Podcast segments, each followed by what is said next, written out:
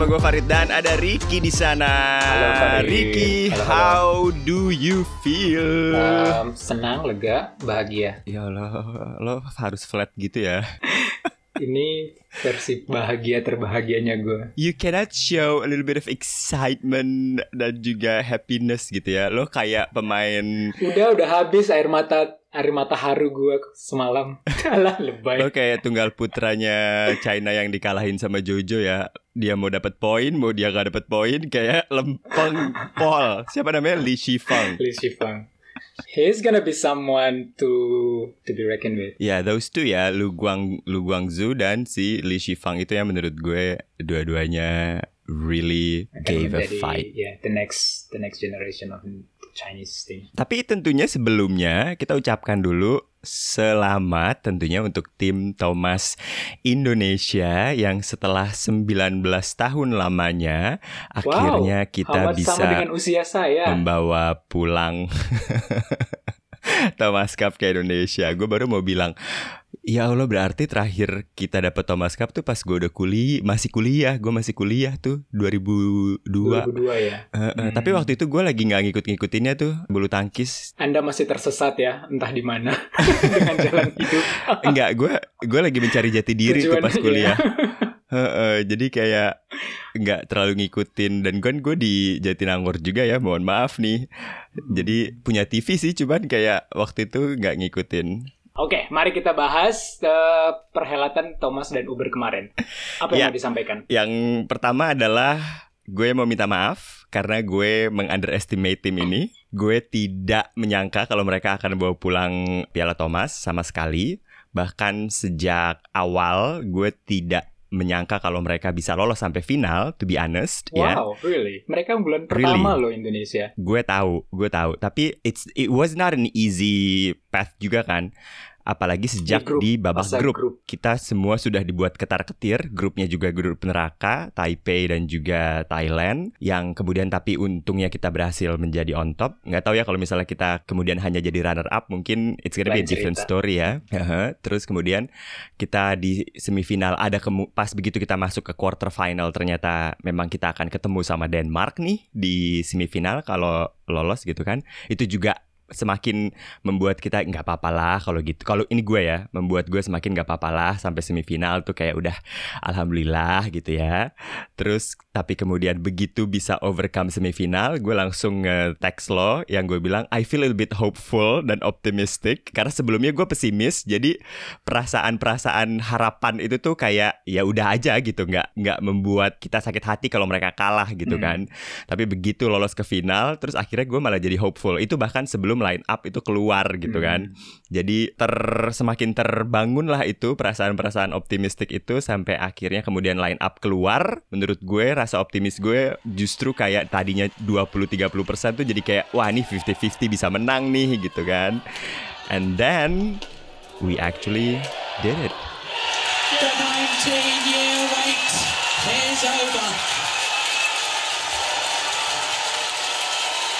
Delirious celebrations as Indonesia claim a 14th Thomas Cup. Well, match won by Indonesia. Won 14 the celebrations say it all. 40. This is a huge, huge status everywhere in the world. Jonathan Christie just breaks ranks for a moment to thank his opponent, thank the umpire, and the celebrations begin.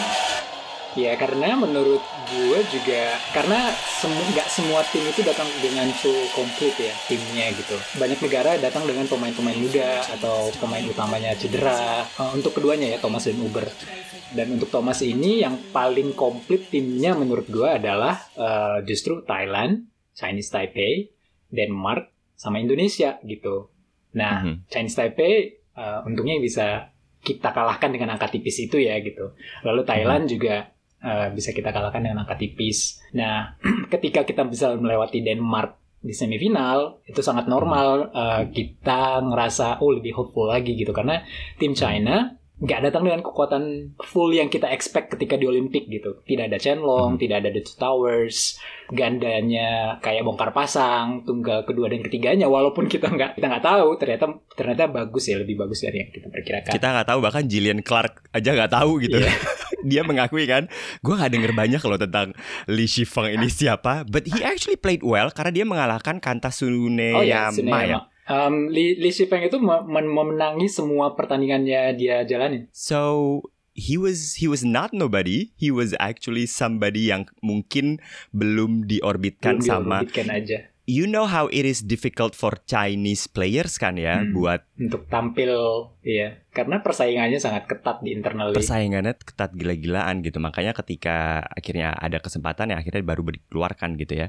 So we're pretty happy. Tapi kemudian gue juga kayaknya nih ya, gue melihatnya memang sepertinya kalau dari terakhir perbincangannya Morton sama Jillian Clark ini, sepertinya memang akan seperti itu nggak sih Ricky? Kalau kita melihat perjalanan tim Thomas setiap negara, ada yang kemudian pada saat peaknya, betul, tapi di, betul. di tim lain itu ada yang baru regenerasi. Regenerasi. Betul betul. Ada yang begitu pun jadi akan berputar gitu. Jadi ya udah. Nah kebetulan Indonesia ini lagi matang-matangnya gitu. Tim ini lagi matang di saat Nah, ini. tapi kita juga menurut gue, gue membela diri sih ini.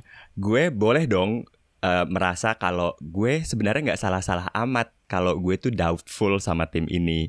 Karena Minions it, awalnya ya, awalnya gue merasa doubtful dengan tim ini. Kenapa? Karena Minions tidak sedang dalam pada peaknya, Mhm. kemudian juga main single kita tidak perform di Sudirman Cup. Mhm. Jadi eh, bagi mereka to go all the way this far itu ya extraordinary tapi walaupun secara ranking kita Iya, memang betul. semuanya berada di atas gitu. Cuman kan ranking ini sudah di freeze berapa lama gitu ya. Iya. Kan ranking itu karena eh unggulan satu itu pun kumulasi ranking kan. Ya, unggulan satu. Eh, unggulan itu adalah berdasarkan ranking terbaik dari negara-negara tersebut. That's why Mhm. Jepang itu bisa unggulan dua sebagai unggulan dua. Karena Mhm. ganda putranya kan bagus-bagus tuh rankingnya si Sonoda eh, dan Mhm. satunya lagi Yuta Endo. Walaupun Mhm. keduanya tidak nongol gitu di Thomas Cup ini. Mhm. gitu. Jadi eh, unggulan itu tidak merepresentasikan tim yang datang di perhelatan kali ini. Mhm. Dan Thailand pun menurut gue lebih perform sebenarnya Sebenarnya. dibandingkan seat mereka ya. Yes, jadi mereka overachieve malah Uh-uh. sebenarnya dari dari ranking gue, di atas uh-uh. kertas. Ya. Highlights gue yang pertama yang ya banyak orang bilang juga wah Jojo hebat, Jojo hebat di itu di di Thomas Cup Mhm. kali ini ya. And I Mhm. admit dia dia jadi uh, penentu di dua dua ties terakhir semifinal dan final. Tapi highlight gue adalah Mhm. damn semua lawan-lawannya Jojo itu sampai terpincang-pincang, sampai fisik yang gak kuat gitu. Um, Dan itu bukan cuma sekali, dua kali kan? Ya dua kali Hmm. di, di di Thomas Cup kali ini. Tapi lu ingat juga kan Hmm. Victor Axelsen uh, di pertandingan mana itu ya gue lupa loh. Sampai kalau main adu stamina, kayak Jojo tuh rajanya kali ya. Yes, gue setuju. Fisiknya Jojo ini memang sangat fit sekali ya.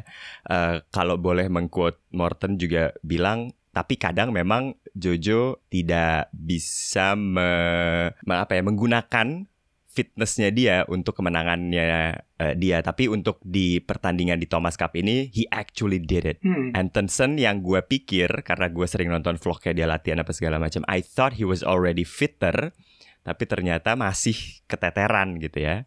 Dan Jojo pun kan kemudian sempat diragukan ya karena dia sebelumnya pas di semifinal ngelawan Enders tuh udah sampai 100 menit gitu. Iya, dan kali ini 70 menit. Mhm. Sedangkan yang pemain China-nya harusnya lebih fresh dong gitu. Estima apa perkiraan awal kan seperti itu. Tapi sampai dibuat sampai dibuat cedera loh, bukan dibuat cedera ya, sampai cedera gitu. Mhm. Demi menghadapi si Jojo ini hebat sih. Ya jadi memang fitness levelnya Jojo ini seharusnya yang justru bisa membuat dia jadi sangat deadly ya. Deadly. Tapi kalau gue lihat juga dari permainannya si Jojo, ya well again he played the best from the past two years gitu during this final eh di semifinal dan final karena errornya tidak sebanyak itu, mentalnya tidak sedown itu, we can see that he enjoyed on court. Hmm. Dia enggak yang kayak very well kata kadang kita ngelihat Jojo tuh very stressful kan dan kayak lost Hmm. di lapangan. Um, ya memang beberapa kali he did seem lost, but then he could regain the, that match dan he could enjoy it. So good for him. Dan Thomas Cup berikutnya adalah tahun depan. Hmm. Do you think kita akan masih punya tim yang sama atau akan ada yang baru-baru? Tentunya sudah tidak ada Asa dan Hendra kayaknya ya. I betul. don't know. Berarti Leo Martin bakal naik nih jadi Yes. jadi pelapis ya. As much as I wanted to see Kevin Daniel, tapi kayaknya dengan Jojo menang tuh kayak udah seneng ya. kayak kalau Jojo kalah tuh kayak. Tapi gue pengen lihat tuh Kevin Daniel gitu. Cause, 'cause they could be. Do you think they could be? Dan lo mau put the trophy at risk gitu demi melihat I- pertandingan itu? makanya, makanya gue kayak gue pengen ngelihat gitu. Dan gue yakin semua orang juga pengen ngelihat. Cuman kayak enggak lah, mendingan kita menang Mendingan aja menang gitu ya. 3-0, terima kasih. Do you think is that is is that a possible pair, Kevin dan Daniel? Menurut gua ya karena ada Daniel Ma- Martin kan pemain gebuk ya, dia tukang gebuknya di belakang ya. Hmm. Jadi um, Kevin di depan. Jadi it actually can work. I don't know the chemistry between the two, but on paper um, melihat dari style mainnya harusnya cocok. Lo lo akhirnya tahu nggak sih kenapa si Marcus nggak diturunin sama Kevin? Gue denger dari TV lokal nih katanya ke faktor kebugaran, tapi gua meragukan validitas informasi itu. Apaan? Lu tau gak? Iya, karena karena fitness levelnya si Marcus yang udah turun dan 24 jam itu kata eh, coach Naga Api tidak cukup untuk mengembalikan fitness Hmm. levelnya si Marcus. Jadinya gerak kakinya juga akhirnya lambat dirasanya Oke. bagi coach. Makanya akhirnya dipilih si Daniel Martin itu. I see. Oke. Yang kurang mendapatkan spotlight menurut gue adalah sebenarnya Vito ya. Well, dia Karena- penentu terhadap waktu menang melawan uh, Taipei dan Thailand loh. Mhm, Tapi but everybody's now di Indonesia nih, gua nggak tahu kalau di di sana lo baca gimana ataupun di media di media sosial nih, yang dielulukan adalah Jojo. Well, understandable. Understandable, understandable. Uh, sedangkan Vito ini yang harus kita ingat bahwa di group stage, eh Mhm, ya kan yep, group stage group ya, stage. group stage Dia penentu dua kali. dia penentu dua kali gitu. Mhm. Kalau misalnya Vito didn't win, Selesai sudah. it's another story gitu ya Ah. bagi Indonesia. Walaupun akhirnya di semifinal dan di final dia tidak main ya. Tapi menurut gue ya ya dia tentunya bukan junior sih, cuma maksud gue ya he could dia ber, dia contribute. Perform. Mhm. yes, yes, yes, that's right. Dan tentunya yang juga jadi kesayangan semua orang adalah Fajri is back. They are back. back. No, I think they're not just back. They how Iya, do you say iya. it ya? Um, naik ke setengah level Yes. di atas yang kita lihat Yes. biasanya ya. Yes. Lebih Mereka- sharp, lebih Aha. rapi, nggak kotor, kecuali servisnya Fajar. Mhm. Dan Rian juga dong, jangan ya, ya. lupa Tapi ketika tidak jam se- semifinal. sebelumnya sebelum pandemi lah. Eh tapi yang gue suka adalah ketika final itu kita melihat kan mereka dan juga eh, Morton sempat bilang mereka tuh lambat panas di depan ya, eh di awal-awal awal. ya. Tapi mereka kayaknya mengganti strategi ya. Kayaknya jadinya Sirian ini agak lebih berani di depan ya, Hmm. sehingga Iya. rotasinya tuh lebih lebih enak Mhm, gitu. mhm. Karena kalau di semifinal kita melihat kan betapa powerful smashersnya Sirian melawan Denmark ini dan Fajar sangat cepat di depan. Mhm. Tapi begitu di final, kayaknya beberapa kali depan belakang oke-oke aja. beberapa kali Fajar made a mistake di depan. Jadi akhirnya komunikasi dan mengubah strateginya and it actually worked. That's what we love about them.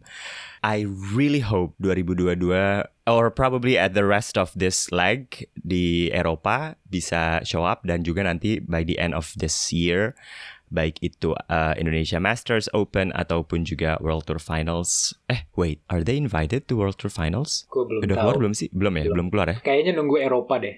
Nunggu leg Hmm. Eropa, uh, Europe ini. Ada sepatah dua patah kata buat tim Uber Indonesia? Buat tim Uber Indonesia, gue itu memprediksi tadinya ketika mereka mengalahkan Thailand, eh ketika mereka kalah dari Thailand itu akan kalah 1-3. But Minta maaf lagi dong ini. gue minta maaf lagi betul.